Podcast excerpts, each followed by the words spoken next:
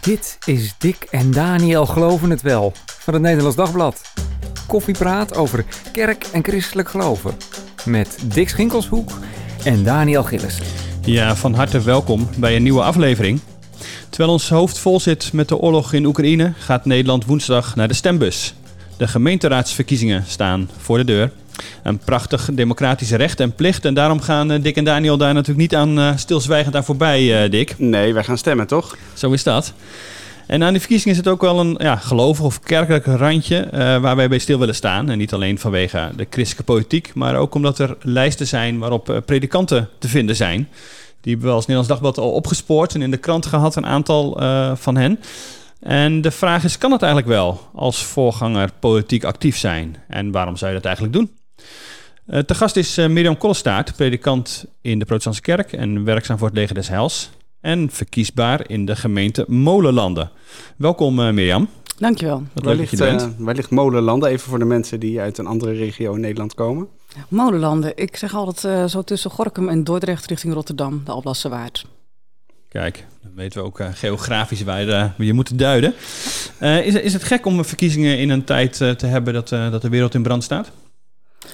Ja, nee. Um, natuurlijk is, is ons hoofd daar vol van. En tegelijkertijd, um, je kunt ook niet bij elke crisis alles uit je handen laten vallen en um, niet meer doen waar wij toe geroepen zijn. Ja. En ik vind het ook wel, wel hoopvol om in zo'n donkere tijd zoiets moois te hebben als verkiezingen. Ja. Vrijheid om te gaan stemmen. Ja. ja, precies. En denk je dat de Oekraïne de verkiezingen beïnvloedt? In molenlanden? Of misschien breder? Nou, dat, dat weet ik eigenlijk niet. Um, volgens mij zijn de mensen er nu nog wel heel uh, positief staan ze erin. Hè? De hulp aan Oekraïne en uh, de hulp uh, aan vluchtelingen. Het zijn geen verkiezingsitems op dit moment. Nee, nee, ik denk niet dat dat van invloed is. Het is niet zo dat in... Kijk, molenlanden moet misschien ook wel meedoen aan de opvang van Oekraïners. En dat dat op een of andere manier een rol speelt al in de campagne of zo. Ja, dat klopt. In de campagne heb ik daar nog niks over gezien of gehoord. Nee. Zou ik ook een beetje ja, dat zou ik ook een beetje naar vinden, eerlijk gezegd. Mm. Over de ruggen van uh, slachtoffers. Um, maar wat ik wel merk is dat uh, mensen heel positief staan tegenover het opvangen van vluchtelingen uit Oekraïne. Ja. Ik denk dat dat iets heel anders zou zijn als het vluchtelingen uit Afrika of uit het Midden-Oosten zouden zijn. Nou, ja. Nu je er zelf mee komt, hoe komt dat? Wat is jouw inschatting? Nou ja, ik, ik hoorde daar een, een, item over op de radio. Um, hè, dat, dat vluchtelingen uit Oekraïne, die lijken op ons. Daar kunnen we ons in herkennen. Ja, het klinkt heel erg, maar um, zelfde huidskleur, zelfde manier van doen. En dat schept blijkbaar een, een band. Mm. Ja. Als we het over huidskleur hebben. Uh, uh, ja, niet dat, mijne, nee. Nee, precies. Dus hoe, hoe, is dat dan, hoe is dat dan voor, uh, voor jou? Of heb je dat, heb je, ervaar je dat zelf anders? Ja, ik ervaar dat wel anders. Um, kijk, ik, ik, ben natuurlijk wel een Nederlander en Nederlands opgevoed, maar mijn roots liggen ergens anders. En tegelijkertijd ben ik Waar ook ergens anders? Voor, even voor de. Ja, dat is heel goed. Um, mijn roots liggen in Indonesië. Ja. ja maar geadopteerd, uh, Nederlands opgevoed, opgegroeid uh, en helemaal geworteld in de Alblasse Waard, in Molenlanden. Ja. Toen heette het nog geen Molenlanden. Um, maar tegelijkertijd me ook wel heel bewust van dat mijn roots ergens anders liggen. En, um, en dat ik een plekje heb gekregen in Nederland. Zo ervaar ik dat ook ja. wel. Dat ik, een, dat ik hier een thuis heb gekregen.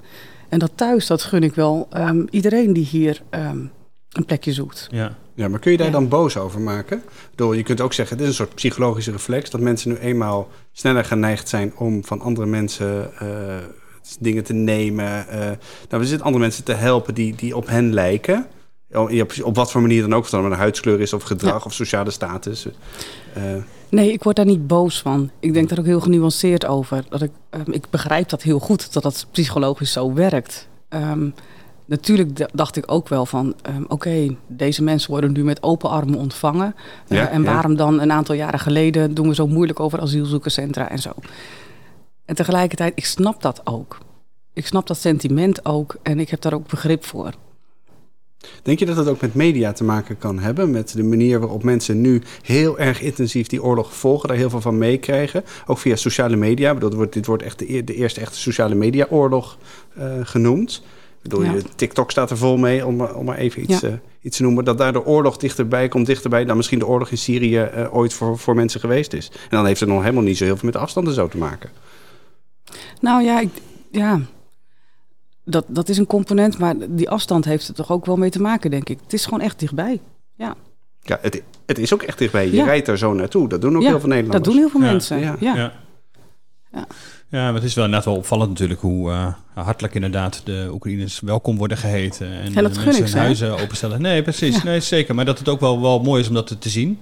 Ik ben ook wel weer spannend van hoe gaat dat dan verder, hè? op ook wat langere termijn. Als het, afhankelijk van hoe lang de oorlog natuurlijk duurt en wat de gevolgen daarvan zijn. Ja. Eh, als mensen en ook met, met eh, grotere getalen hier eh, noodgedwongen naartoe komen. eh, wat dat gaat betekenen in eh, de manier waarop Nederlanders daarop reageren. Ja. Maar goed, dat is eh, voor de toekomst. Dick, weet jij al wat je gaat eh, stemmen?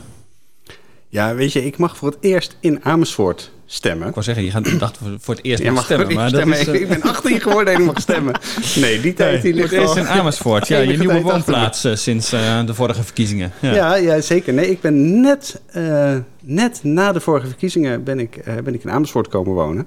En dan zou je denken, nou dan weet je dus inmiddels Ja, wel je alles wat er, wat, er, wat er speelt. Maar ik, ik zeg, ik vind het nog, nog vies tegenvallen. Ik heb uiteraard zo'n zo'n kieswijzer ingevuld. Nou, dan kom ik wat rechts van het midden uit, waar ik meestal uitkom.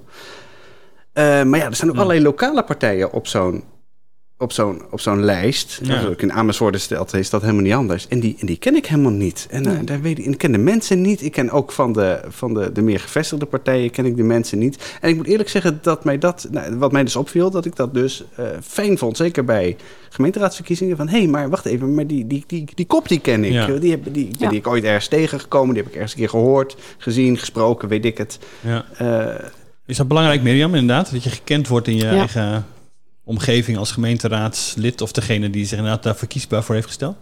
Nou, dat hoor ik inderdaad wel van Ja. de andere mensen die op de lijst staan. Eh, Daar heb ik natuurlijk intensief contact mee. En Ja. die zeggen dat wel, ja. ehm, dat dat heel veel uitmaakt. Ja. En, Ja. en ik kijk zelf ook altijd van wie staat er op de lijst, wie Ja. ken ik. Ja. Ook van de andere partijen natuurlijk. Ja, jou in de buurt kennen ze dus. Dus daar gaan we straks nog even over doorpraten. Wat dat dan betekent. Hè? Over eh, de combinatie eh, kerk en politiek, eh, dominee en raadslid. Maar eerst nog even nog over Oekraïne. Eh, want Dick, je hebt een eh, essay eh, geschreven... wat eh, vrijdag in onze bijlage Gulliver staat. Ehm, en met de kop, waar zijn de christelijke pacifisten? We hebben jullie Ja. nodig, ja, ja, ja. roep jij. ja. Wat, wat, eh, waarom hebben we ze nodig? Ja, we hebben ze ontzettend hard nodig. En nou, wat ik vooral schokkend vind, is dat we ze helemaal niet horen. Even voor de goede orde, ik ben geen pacifist. Pacifisten zijn mensen die zeggen dat geweld, dat je dat ten alle tijde categorisch moet afwijzen. Dat het nooit een oplossing is, dus ook niet als een reactie. Ook niet defensief. Nee, eh, Of nee, nee, nee. in de nee, meest verre uiteindelijk gaande niet. vorm niet. Nee. Nee. ik wou zeggen, je bent pacifist of je bent het niet. Nee. Wat dat betreft is het Kan je niet half zijn, hè? Nee, je kunt er niet half zijn. Dan ben je geen pacifist meer, volgens mij. Ehm, maar ik hoor ze helemaal niet. En er zijn allerlei goede redenen om geen pacifist te zijn, dus denk ik. Maar ze zijn wel nodig in het, eh, in het debat. Maar waarom zijn ze nodig dan? Je zou inderdaad zijn goede reden om geen pacifist te zijn, zeg je net zelf. Dan hebben we ze toch ook niet nodig? nee, precies. Nou, wa- was het maar zo simpel. Kijk, eh, je hebt zeg maar in de, eh, in de denken over oorlog heb je grofweg drie, drie posities. Hè. Je hebt aan de uiterste heb je het pacifisme. Aan de ene kant zegt nooit oorlog. Je hebt een soort kruisvaardersdenken van wij tegen zij. En eh, zij zijn slecht en wij zijn goed. Dus we mogen ze, nou, we mogen ze helemaal naar de steentijd terug bombarderen. Of, alles is geoorloofd. Dat is zeg maar de andere kant. En daartussenin zit, en daar zitten de meeste mensen natuurlijk... een soort idee van een gerechtvaardigde oorlog. Hè. Je, eh, oorlog is niet oké, we kunnen veel beter vrede hebben. Maar als het dan echt moet, hè, als laatste redmiddel... dan kunnen we oorlog, geweld, militaire handeling kunnen we overwegen. Klinkt logisch. Klinkt logisch. Ik denk dat bij die, die middelste groep... dat daar verreweg de meeste mensen zitten. Alleen het punt is dat namelijk dat die middelste groep... nog wel eens kan verschuiven. Zeker onder druk van, nou, van wat je in de media hoort... of van wat je Mhm. hoort wat, wat de Russen eh, in Oekraïne doen. Eh, als je ziet nou, het, hoe... eh, hoe ze daar tekeer gaan, ook tegen burgers, dat die, dat die positie dus opschuift richting dat, dat we meer dat, dat kruisvaardersdenken. Dus dat het veel meer wij tegen zij wordt, dat je dus de roep om militaire ingrijpen, om, eh, wat is het, eh, een no- no-fly zone, die dan Mhm. dus ook militair gehandhaafd moet gaan worden. Ik bedoel, dat de NAVO zich, gaat zich in die oorlog gaat, gaat mengen. En om dat een beetje in evenwicht te houden, om dus diezelfde nuchterheid te houden, heb je aan de andere kant heb je nog steeds die component nodig van die pacifist. Die zegt, ja maar wacht even, is geweld wel de oplossing? Eh, heb je alles uitgeprobeerd eh, om ervoor te zorgen eh, dat, eh, dat- dat de hele zaak niet, niet, niet eh, escaleert zijn? Dus voor een soort balans, zeg maar. Voor de, voor de dat. balans, precies. Heb jij, eh, voel jij je op een of andere manier aangetrokken tot pacifisme, Mirjam? Nou, eigenlijk niet. Ik, ik vind het ook wel. Eh, ik, ik, heb, ik heb je essay gelezen en ik, maar die, die laatste zin die intrigeerde mij wel. Dat je zei inderdaad van dat je ze nodig hebt, ook al luister je ze niet naar ze. Ik Ik, Ja. moest denken aan een soort roepen in de woestijn. Een profeet. Heel, wie heel aantrekkelijk. niemand- eh. ja, naar wie niemand luistert. Ja. ik kon me even niet zo goed bij, iets bij voorstellen. Ik- ben niet graag iemand naar wie niemand luistert, denk ik. Nee, maar ik voel me ook echt niet aangetrokken tot het passivisme. Sterker nog, ik, ik heb eens bij Defensie gesolliciteerd. Ja, dat, dat wordt toch een beetje moeilijk als je pacifist zou zijn. Ja, Ja. precies. Ja. Nou, Ja. daar- daar is wel naar gevraagd. Ik heb gesolliciteerd inderdaad om als eh, Mm. geestelijk verzorger Ja. bij Defensie Oh, ja. aan de slag te gaan. En dan wordt er ook wel naar gevraagd, ja. hoe sta je daarin? Ja, Ja. hoe sta je Ja. daarin? Ja, ja. En het kan natuurlijk op zich wel, want je hoeft natuurlijk als eh, geestelijk verzorger niet zelf de wapens te grijpen. Maar het, is wel, eh, het wordt wel lastig, denk Ja, ik. precies. Ja. Je Nee, krijgt wel een rang in het leger en dergelijke. Ehm, maar Dick, eh, waarom horen we ze niet? Is het gewoon eh, voorbij eigenlijk? Eh, heeft niemand denkt iedereen van ja, weet je, het is wel leuk voor de Koude Oorlog was het, kon dat misschien, maar je kunt er niet meer mee wegkomen nu. Nou, ik denk zeker dat het hele kerkelijke christelijke pacifisme in West-Europa enorm vergrijsd is. Ja. Dat was heel groot, zeker in de, in de nadagen van de Koude Oorlog. Eh, dan, je denkt vooral dan aan de, in Nederland aan de club eh, Kerk, Kerk en Vrede. Nou, die heeft gewoon, is gewoon niet meer de schim van wat het ooit, ooit geweest is. En ik denk ook dat de bevlogenheid, nou, die kan natuurlijk bij de mensen die daar zijn er nog wel zijn. Mhm. Maar die wordt, die wordt niet of nauwelijks meer, eh, meer gehoord. En ik vind dat dus een risico. Ja, inderdaad. Ook als ik besluit, sorry jongens, ik ben het niet met jullie eens, wil ik jullie stem dus wel heel erg graag horen. Ja. Zou het Ja, ook kunnen zijn dat we weer een oorlog nodig hebben om die stem te gaan horen? Ik vind dat altijd een hele enge manier van denken. Van, ja. Ja. we hebben weer een oorlog nodig om te snappen dat we de kerk... eh, niet- niet dat we de kerk ik hoor hem namelijk veel vaker in allerlei manieren. En het zou weer oorlog moeten worden. Nee, dat bedoel je natuurlijk helemaal nee, dat niet. bedoel maar, ik natuurlijk niet. maar eh, Maar zou het Ja, kunnen zijn dat deze zijn, oorlog ja. dat wel weer gaat oproepen? nou, ik zie nu dus vooral de andere kant. Mm. Dus dan wordt het dus... eh, we, zitten op dit moment volgens mij in de samenleving... waar het heel erg makkelijk is om zwart-wit eh, te denken. Jij bent goed. Ja. Of nee, jij bent natuurlijk niet goed. Jij bent fout en ik ben goed. Wacht even. Dat zou mooi zijn als we nou denken, ja, de andere is goed. Ja. Ik wou zeggen, dat zou van een zelfinzicht getuigen. Dat, Ja. Eh, nee, dat, heb je nu bij corona ook gezien. Zeg maar, Mm. Heel zwart-wit, heel erg twee kampen. Ja. En ik zie, ziet dat nu eigenlijk met deze oorlog weer gebeuren. En waar pacifisten ons voor uitnodigen, is volgens mij om dat, die hele dynamiek te doorbreken. En ze kijken, ja, maar wacht even, wacht even. En dan helemaal niet van, heeft Poetin misschien niet ook gelijk? Daar gaat het helemaal niet om, dat is een hele andere discussie. Maar wel, eh, is geweld wel de oplossing waarvan je nu steeds meer gaat geloven dat die het echt is? Ja, nee, het is wel super aantrekkelijk, maar tegelijk ook een soort naïviteit waar ik eh, wat, wat een beetje gaat eh, jeuken, zeg maar. Ik vind, eerlijk gezegd, ik vind pacifisme oprecht stoer. En al dat verweten bedoel dat het, dat het naïef is en zo. Volgens mij is het helemaal niet naïef. Het is ontzettend dapper. Het is, Daar val ik het- een beetje stil bij hoor, eerlijk gezegd. Maar maar, maar waarom val je daar stil bij? Ehm, omdat pacifisme, denk ik, dan zoveel slachtoffers maakt. Hoe kun je nou niks doen tegen geweld en dreiging? Tegen zoveel vluchtelingen? Het is een bepaalde leidzaamheid waar ik echt niks mee kan. Oké, maar dan verwar je denk ik eh, eh, pacifisme met leidzaamheid. Volgens mij is pacifisme... Kijk, eh, nogmaals, ik ben geen pacifist. Nee, maar ik vind dus- het wel leuk om het even voor ze Nee, op te bedoel, nemen. ze zijn wel activistisch ook juist. Ja, nee, Maar het is goed, een helemaal, leidzame manier. nee, maar Ja, het is precies. helemaal niet leidzaam. Maar het geeft wel het idee van, oké, als er wat gebeurt, ga je op je rug liggen, zeg maar.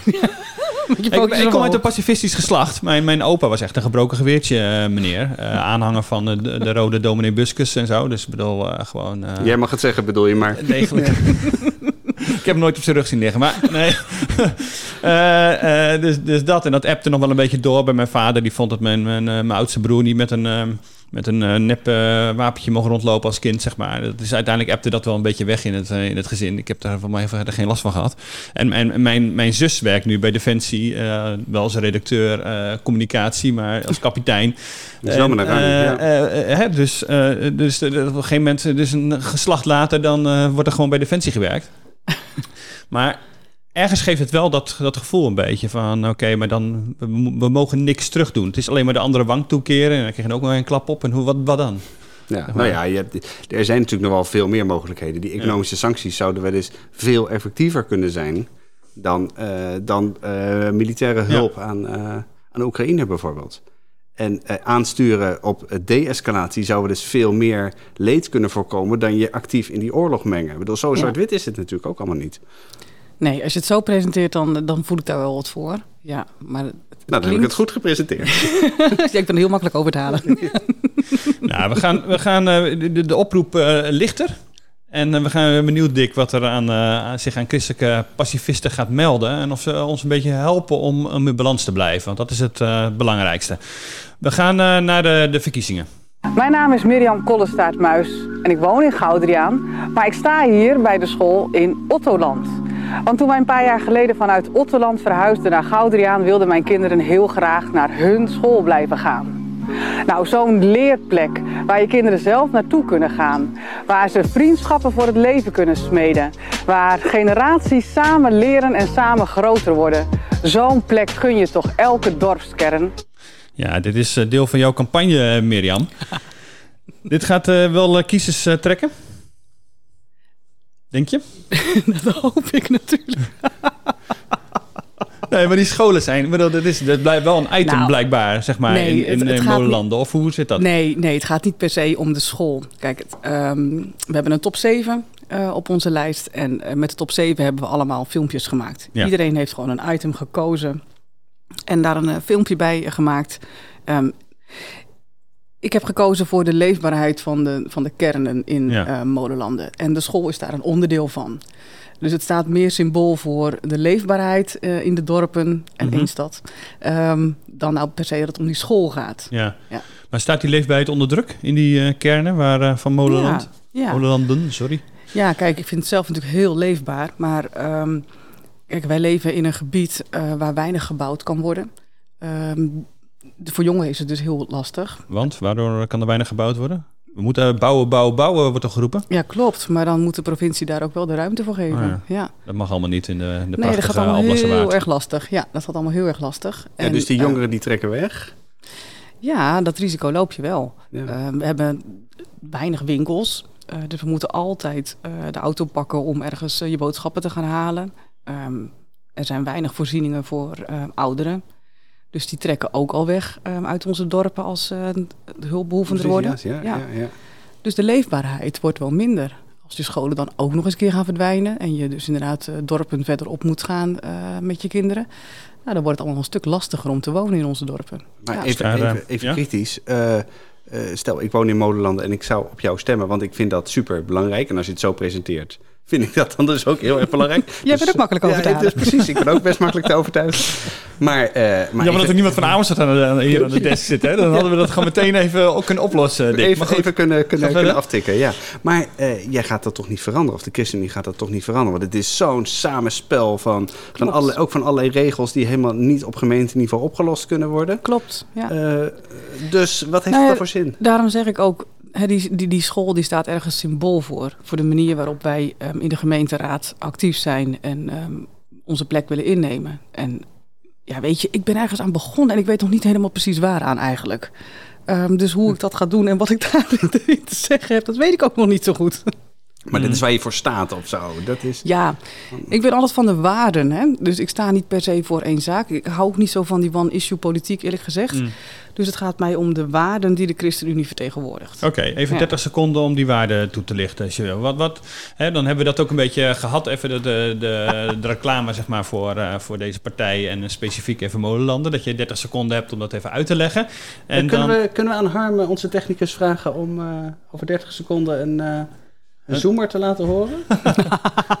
precies, dat we gewoon even... Dan gaat gewoon mijn microfoon uit of zo. Ja, precies. Ja, precies. Ja, ja. Gewoon even, we gaan dit al even Mijn filmpje was 40 seconden, hè? Exact Ja, maar daar, 40 daar hebben we wat in geknipt. Dus die, die, die, die was iets korter. Maar dan kunnen we het even, zet jij dat even neer en dan gaan we daarna door inderdaad. Want dan moet het ook wel even, de- je moet de politici altijd wel kritisch bevragen. Dus dan Precies, gaan we ja. wel En een, beetje, hard en in. een beetje inperken dus. dus Precies. eh, wat dat betreft eh, Ja. is dat wel... eh, dat, Ik dat, moet er wel verkozen worden, dus ik wil graag een beetje vriendelijk blijven. Ja, maar het is toch zo, bedoel, als je, hier, als je nu overeind blijft, hè, dan, Oh, eh, Ja, dan red ik het zo meteen dan ook. red je het zo meteen ook. Exact. Nou ja, eh, wat dat betreft eh, is dat, lijkt me dat ook wel eh, spannend. Want hebben jullie ook allerlei debatten met eh eh politici onderling? Eh, zeg, de verkiezingstijd ja, bedoel een soort gemeentedebat Ja, of zo in, het, in, in dorpshuizen? Of, Ja, bedoel- ja, maar daar heb ik niet aan meegedaan. Nee. Ehm, ik ben de enige op de lijst, in, in die top vijf in ieder geval, die nog geen raadslid is. Mhm. eh, ook geen ervaring heeft. Je bent de vernieuwing. Ja, zoiets. Oké. Want Wat hoeveel... ook? Of eh, zitten er nog heel veel eh, jongen nee, op de lijst? Nee, Oh, ja. ik ben echt niet de jongste. Nee, Ah, zeker niet. Want hoeveel zetels heeft ChristenUnie in Molenlanden? Vijf, Vijf. En jij staat op plek nummer vijf. vier. Vier. Ja, joh, oh, dat is wel wordt gewoon serieus gegarandeerd, Het je- is heel serieus. Je komt ja. gewoon sowieso binnen? Of eh, is het niet zo gegarandeerd eh, bij de ChristenUnie? Nou, dat weet ik niet zo goed. Volgens mij zijn we al wel jaren stabiel op vijf Mm. zetels. Maar je, je hebt natuurlijk ook altijd nog voorkeurstemmen. Dus eh, Ja. ja. Ja, ik heb me gewoon beschikbaar gesteld en ik zie het wel. Dus- ah, Ja. mooi. Oké, eh, Mirjam, je 30 seconden gaan eh, nu in. Samen recht doen. Recht doen aan mensen, zeker ook aan kwetsbare mensen. Recht doen aan de schepping, aan de natuur. Recht doen aan wonen en werken. En dat is een samenspel van burgers en gemeenteraad, maar ook van verschillende partijen in die gemeenteraad. En dat is niet alleen vergaderen en debatteren, maar vooral ook de daad bij het woord voegen. Samen recht doen. Samen met alle molenlanders een leven mogelijk maken dat betekenis heeft voor nu en later, voor oude en nieuwe molenlanders. Ik heb geen eens 30 seconden nodig. Ja, precies, 30 seconden gewoon. Je hebt scherp voorbereid. Ah, knap hoor. Knap hoor. Echt knap. Ja. Ja. Dat is netjes. Hey, maar hoe, hoe ben jij in de politiek eh, terechtgekomen, Mirjam? Wat is eh, de reden om eh, je op de lijst te laten zetten? Ehm, ja, ik werd er eerlijk gezegd voor gevraagd. Mhm. Ehm, hoe ben ik erin terechtgekomen? Eh ik ben al jaren lid van de ChristenUnie. Ik vond dat dat... ehm, ja, dat hoorde een beetje bij volwassen worden, vond ik. Lid worden van een politieke partij. Mm. Eh, een abonnement op de krant nemen. Ja, dat laatste Dat nog wel. Dat wil ik echt aanmoedigen. dat is echt heel belangrijk. Niet vanaf het begin van het Nederlands Blagblad, sorry. Jee, jee. Maar je hebt je wel bekeerd, hè? Dus, eh, ja, al jaren, zeker weten. Ja. Dus nee, dat hoorde voor mij een beetje bij volwassen worden. Een politieke partij hoorde daar ook bij. En ehm, ja, jullie zijn daar trouwens ook wel een beetje debet aan, hè? Want ehm, het Nederlands Dagblad heeft mij ooit jaren geleden een podium gegeven. Ik weet niet of je dat nog weet met het eh, Hemel en Hel debat. ja, ja. Ja, en dat was ook gewoon een beetje het begin van ehm, ja, mijn, hoe moet je dat zeggen, bekendheid in Nederland. ja. Dat is een jaar of tien geleden geweest, hè? 2010, Ja, 2011 zoiets. of zo. Ja, Ja. Ja, ja. Ja, en ehm, ja, als je je dan maar af en toe eens even uitspreekt en ehm, Ja. laat weten dat je lid bent van de ChristenUnie, Dan weten ze je eh, te vinden. Dan weten ze je te vinden. Maar was het de eerste keer dat je gevraagd werd om op de lijst te komen? Of eerder ook al? Nee, ik, toen ik nog predikant was in, eh in Otterland, in de kerk in Otterland, Ja. werd ik ook al een keer gevraagd. En toen heb ik gezegd nee, Want? want ik ben predikant van een gemeente. En in mijn gemeente zitten allerlei mensen die lid zijn van andere partijen. Ja. Ja, en eh, die moet ik ook blijven vertegenwoordigen en voor hen kunnen blijven zorgen zonder dat er een soort ehm, debat tussen ons ontstaat. Ja. ja. Dus dan is, maar vond je het niet gek om wel uit te dragen dat je lid was van de ChristenUnie? Maar om Nou, dan raadslid te worden of iets dergelijks? Dat, Dat, vond ik een ver. stap te ver. Dus ik heb altijd gezegd van ik wil me op de achtergrond bemoeien met de politiek en landelijk, eh, maar niet lokaal. En ik, kijk, ik heb dat Oh ja. nooit zo heel erg uitgedragen. Mensen wisten dat wel van me, maar ik, ik eh, voerde geen campagne. Nee. Nee, nee, geen, Nee. eh, geen eh, wat is het, een eh, poster van eh, de ChristenUnie die Nee. altijd al nee, aan, het, aan nee, de deur want de van... pastorie, eh, de pastorie is en niet de mijn huis. Nee, nee, precies. Nee, dat is het huis van de kerk, Nee, dus dat dat heb ik nooit gedaan. Dat vind ik helemaal terecht. Wat is, wat is nou veranderd dat je dat nu wel hebt? eh, dat je Ik nu ben wel geen gemeentepredikant meer. Dus ik, ehm, ik ben gewoon nu lid van de gemeente. Net als ehm, de andere raadsleden of de wethouder. Ehm, dus dat is voor mij veranderd. Ja. Maar, want je bent nog wel predikant. ja, ik heb nog steeds die titel, ja. Eh, maar ik werk niet meer eh, als gemeentepredikant. En dat, dat is echt voor mij het verschil. Je staat niet als dominee Mirjam op de lijst. Nee, maar iedereen weet het natuurlijk wel. Ja, precies. We hadden net over die bekendheid. Het helpt natuurlijk wel dat jij eh, een, een publieke functie hebt vervuld eh, binnen eh, Molenlanden. Of in elk geval met name Otterland natuurlijk. Ja, dat, dat nou, ehm daar horen nog een heleboel dorpen bij op mijn gemeente. Het ja. was een streekgemeente. Maar goed, dan nog, ik, ik weet niet zo goed ehm, wat dat dan uitmaakt. Want ik kan me ook voorstellen dat mensen zeggen van ja, die was al dominee. Wat heeft ze nou over de politiek te zeggen? Hm. Ja. Dus of het echt helpt, weet ik niet. Ja, ik- kennen je gezicht. Dat. Want ik, want ik heb begrepen dat jouw gezicht heel groot bij, bij, bij alle kerken in, eh, ja, dat klopt. in de hele gemeente hangt. Dat nou, niet in de hele wat. gemeente, maar wel in eh Goudriaan en eh, Nieuwpoort en, ehm, en Otterland en Bodemsgraaf. Ja, inderdaad bij de kerk. Ja, toen ik daar een paar weken geleden naartoe fietste, toen ehm, zag ik dat. En ik, moest, ik schrok wel een beetje. En ik moest er ook wel om lachen en de gemeenteleden ook wel. Je had ze niet zelf opgehangen. ik had ze niet zelf opgehangen, nee, want dan had ik het echt niet daar gedaan. Nee, Maar het is natuurlijk geen toeval dat ze daar hingen. En nee dat- klopt. Ja, omdat ja, een christelijke partij denkt dan toch om de christenen eh, stemmen te winnen. Ja, Ja. maar ja. de, de, de ChristenUnie dacht zelfs, we zetten daar niet onze nummer 1 op de poster. Maar we zetten jou daar neer. Nou, we hebben het verdeeld, want daar hebben we het wel over gehad. Ehm, de top 7 hangt zo'n beetje allemaal in hun eigen dorpskernen en de kernen waar je het meest bekend bent. Ja, ja, precies. Maar dus er goed, zit wel een soort strategische ja, gedachte Het is strategisch. meest bekend, ja, kerk, nou ja, Ja, enzovoort. ja, dan ja. is het wel daar, daar gebruik van maken. Maar ik voel je ergens zit er ook iets, eh, iets onge- zit er iets ongemakkelijks bij. Ik bedoel, zie ik daar iets? eh, nou ja, je ziet een beetje schuif op de stoel. eh, eh, of is dat interpretatie? Nou, ehm, sowieso je kop op zo'n poster is natuurlijk al best heel wat. Ehm, Dat is ongemakkelijk in zichzelf. Ja, dat is al een goed. soort ongemak. Maar toch-. Ja, dat het bij de kerk hing, vond ik wel een klein beetje ongemakkelijk. Ja, dat moet ik wel toegeven. Mm. Ja. Maar vind je het niet ook gewoon ongemakkelijk dat je ergens toch ook gewoon predikant bent? En je bent ook, je bent dan in die, eh, wat is die, je bent daar ook predikant geweest. Ja. En je bent dus nog steeds predikant, maar dan geen gemeentepredikant meer. Eh, ik bedoel, ik snap dat jij zegt, ik maak dat onderscheid. Maar het is ook Ja. wel heel relatief, toch? Nou, ehm, is dat relatief? Weet ik niet. Weet je, ik als gemeentepredikant heb ik me altijd ingezet voor een zinvol leven van mensen. En dan eigenlijk met name binnen die kerkmuren. Ehm, nu ben ik geen gemeentepredikant meer. Maar dat zinvolle leven voor mensen is mij nog steeds heel veel waard. En dat wil ik nu gewoon op een andere manier eh, wil ik me daarvoor inzetten. In mijn werk, bij het Leger des Heils, maar ook in de politiek. Ja, dat, dat, dat, begrijp ik natuurlijk wel. Maar er zijn ook veel meer partijen. Ik weet niet welke partijen er in Molenlanden precies eh, met de verkiezingen meedoen. Ik weet het dus in mijn eigen gemeente niet eens precies. Doe mee molenlanden. Eh, maar, die CDA, zijn misschien, SGP, VVD, progressief molenlanden. maar eh, die zijn vast ook heel erg voor is het een goed leven in, Ja, natuurlijk. in Molenlanden. Ja, maar ik zoek ook niet per se ehm, het tegenover, maar vooral ook het, het hè, onze slogan is samen recht doen. Ook samen met die andere partijen. Ik ben niet zo van het, ehm, van het tegenover elkaar staan, want ik, ik zie inderdaad heel veel goed ook bij de andere partijen. Kijk, mijn eigen gemeenteleden, eh, dat zijn natuurlijk niet bij mijn eigen gemeenteleden. Daar heb je het al. ja, je- je bent er moet los ik, daar moet ik nog steeds aan wennen, dat klopt. Ik eigen ze me graag toe. Ehm, maar andere gemeenteleden, die, die zijn ook lid van, van die partijen. En ik vind het prachtig als zij zich op hun manier daarvoor inzetten. Tuurlijk. En vanuit welke ideaal... Ja, nee, even, Dick, even naar jou. Je bedoel, jij bent ook geen gemeentepredikant, maar wel predikant. Dus kan je het, zou je het wat kunnen voorstellen dat je zoiets zou doen? En niet als journalist van het Nederlands Dagblad natuurlijk, maar... Ja, ik wou zeggen, ik heb volgens mij wel Oh. eerder... Ik weet nog bij onze podcastaflevering met, eh, met Wim Vermeulen. Ja. Oh, dat, eh, dat ging toen eh, over dat, eh, dat statement hè, tegen de, de QR-code. Toen, toen heb ik ook gezegd, ja, ik ben als journalist geen lid van een politieke partij. En eh, ik wou zeggen, als predikant zou ik dat vermoedelijk ook niet zijn. Ik eh, wil daar wel echt een, een soort streep trekken, zeg maar, tussen het Koninkrijk der Nederlanden... dat ik heel erg belangrijk vind, en het Koninkrijk van God. Ja, maar je En- bent als predikant toch ook nog steeds gewoon een, mens? Ja, maar ik ga ook wel stemmen. Ik vind dat je als predikant wel, eh, ook als gemeentepredikant, wel gewoon moet gaan stemmen. Maar waarom zou je geen lid kunnen zijn zelfs van een politieke partij dan?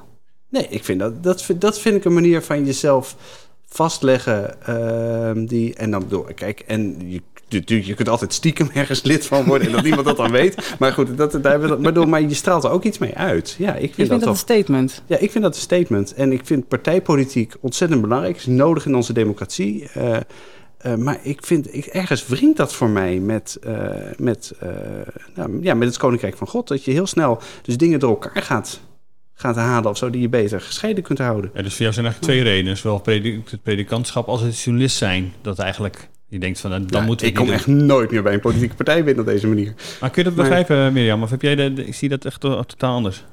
Ja, ik zie dat denk ik wel anders. Ik was al lid van een politieke partij voordat ik predikant werd. In mijn Mhm. studententijd ben ik al lid geworden. Ehm, ik vind wel dat je je als predikant mag uitspreken. Ehm, dat je ergens voor mag staan. Dat uitspreken doe ik overigens niet op de kansel. Ik zal daar geen politieke eh, uitspraken gaan doen. Nee, Ja, je houdt geen dat- tijdredes en verkiezings... eh, nee. Ja, heb ik en- één keer gedaan. Toen Ja? heb ik het wel gehad. Ik, ik heb nog zitten zoeken in mijn archief of die eh, dienst nog kon vinden, maar ik heb hem niet meer kunnen terugvinden. Ik, ik kan me herinneren dat ik ooit een keertje in de verkiezingstijd, de landelijke verkiezingen, daar wel over gehad heb. Over christelijke politiek en over stemmen. Ehm, ik draag normaal gesproken altijd als voorgaan toga en dat heb ik toen niet gedaan. Ik kan me herinneren dat ik niet op de preeksel heb gestaan. Ehm, we hadden wel een dienst. Maar niet een, een dienst zoals ik het normaal gesproken zou doen. Nee, precies. Echt Vanwege, dat, van. vanwege Ja, dat onderscheid. ja. Maar dat was niet alleen Ja. dat je je uitsprak over het belang van democratie of zo? Of eh, vanuit... eh, nou, het was wel heel algemeen hoor. daarvan? Oh, Ik heb geen promotiepraatje voor de ChristenUnie gaan gehouden Nee, natuurlijk. precies. Geen, geen, geen stemadvies. Nee, geen stemadvies, Nee, natuurlijk nee, niet. Nee, nee. nee. Oh ja, ik bedoel, je moet dominees Ja. de kost geven. dat Het gebeurt, van denk de ik. kerk Ja, die dat wel gewoon doen. Ja, nee, maar dat dat, vind dus- vind ik dus echt niet mijn positie. Nee, dat kan echt niet, vind ik. Nee, er zitten wel grenzen aan wat je gewoon als predikant, ook Ja. als het gaat om politiek, dus kunt maken. Ja, ik, ik zou dat een, een soort machtsmisbruik vinden als ik dat op de kansel zou doen. Ja. Wat is het voordeel van je dat je, dat je predikant bent en eh, ook die politiek ingaat? Dus gewoon qua kennis en, en, en kunde, vaardigheden, dat soort dingen. We, eh, zie je daar bepaalde, ja, eh, een pre? Nou, dat weet ik eigenlijk niet. ik weet eigenlijk niet je of het kunt echt in elk geval een verhaal houden, toch? Ik kan een verhaal houden, ja zeker. Maar eh, ik weet niet of het echt een pre is. Want eerlijk gezegd vind ik ook wel, als ik naar mezelf kijk... dat ik ehm 17 jaar lang ook wel heel erg soort opgesloten heb gezeten... in dat Ah. kerkelijk wereldje. Je eigenlijk niet zo goed weet wat er allemaal gebeurt in de nee, joh. Nou, eh, Je zou denken, je kijkt dus, je komt zoveel mensen tegen dat je ook wel weer ja, ja, wel maar... weet wat er speelt. Ja, en tegelijkertijd is dat toch heel, heel beperkt en heeft dat Mm. altijd een bepaalde focus. En ik merk nu, eh, nu ik buiten de kerk werk, dat ik denk, oh ja, het echte leven is toch heel anders. Ja, dat is echt zo.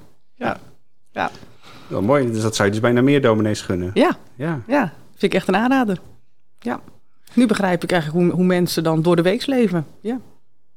Dan preek jij nog eh, gewoon eh, op zondagen? Mm, heel weinig.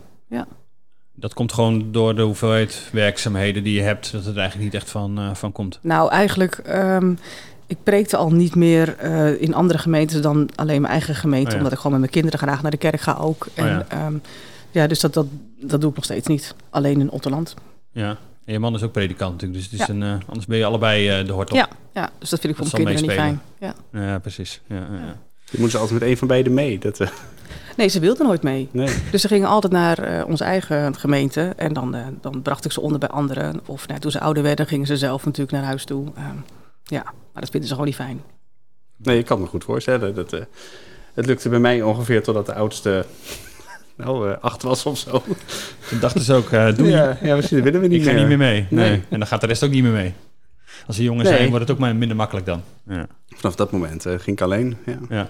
Maar is het, ben je nu de, de dagen nog voor de verkiezingen druk met de campagne?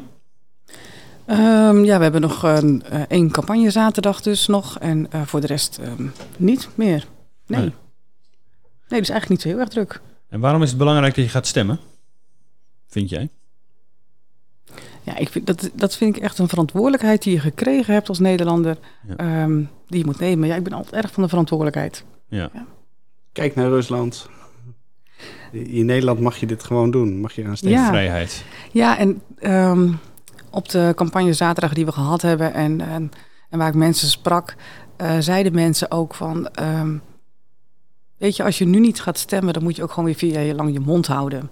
Ehm, ik weet niet of ik het daar helemaal mee eens ben, maar het is natuurlijk altijd wel zo. Ik heb altijd gedacht van, ja, als je iets wil veranderen, dan kan je daar wel eh, tegen blijven, eh, je tegen verzetten. Maar ik verander altijd liever dingen van binnenuit. Dus het is niet zo dat ik per se het altijd met de ChristenUnie helemaal eens ben. Maar als ik het dan niet eens ben met ze, dan wil ik dat liever van binnenuit veranderen dan ehm, dat ik een soort tegenstem ben. Ja. Maar je gaat nu ehm, eh, de dikke kans dus dat je in de gemeenteraad terechtkomt. Dat gaat meer Ja. werk opleveren. Betekent dat ook weer keuzes in, eh, in andere werkzaamheden voor eh het leger des en dergelijke? Nee, ik denk altijd en en. Ja, het kan er altijd wel weer bij. Tot 20 uur per week staat ervoor, geloof ik, of niet? Oh, echt? Dat had ze wel eens mogen vertellen. Oh ja. Ja. Ze presenteren het altijd alsof het wel meevalt. Nee, dat, Ja, denk, ja. ik- dat denk ik vooral zelf, denk ik, dat het Ja. meevalt. nou, we zijn benieuwd. We weten niet hoe dat precies eh, uitpakt. Wat, ga je, wat ga je woensdagavond doen? Woensdagavond gaan wij met het op 7 eh, uit eten. Om eh, de campagnetijd af te sluiten. En dan heel gespannen En dan heel gespannen. voor de ja. tv. Ehm, en dat weet ik eigenlijk nog niet zo goed, hoe lang we uit Nee. eten gaan. En Gemeentehuis of... eh, Heel lang doorborrelen. heel lang naborrelen, denk ik. ja, Ja. precies. Ja. Ja. En gaan we je terugzien een keer in de Tweede Kamer? Is dat iets voor jou? Nee, dat denk ik niet. Nee. Ehm, Een dominee in de Tweede Kamer. Het zou niet voor de eerst zijn. Nee. nee, precies. Dat weet ik niet. Die, ambitie heb ik nu niet. Ik heb het erg naar mijn zin in mijn werk. En ehm, ik kijk nooit zo heel erg ver vooruit. Mooi. Nou we gaan in elk geval je in de gemeenteraad Molenlanden waarschijnlijk terugzien als uh, de kiezer je het mandaat geeft. En uh, dan gaan we dat volgen. Dat geldt ook voor de andere predikanten. We hebben er meer in de krant gehad. Dus wil je meer weten over dit onderwerp? Uh, er zijn een aantal interviews geweest.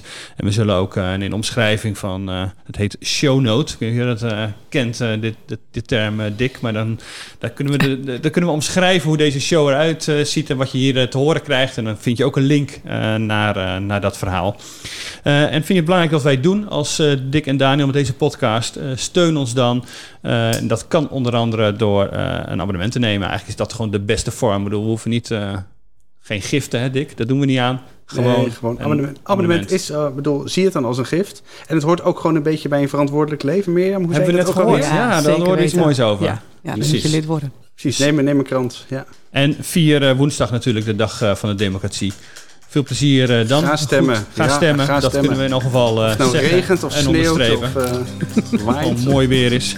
In elk geval, ga stemmen. En nou ja, als je abonnement, zoals ik net al zei, op het Nederlands Dagblad zou willen, nd.nl slash abonnement. Daar vind je alle aanbiedingen. Tot volgende week.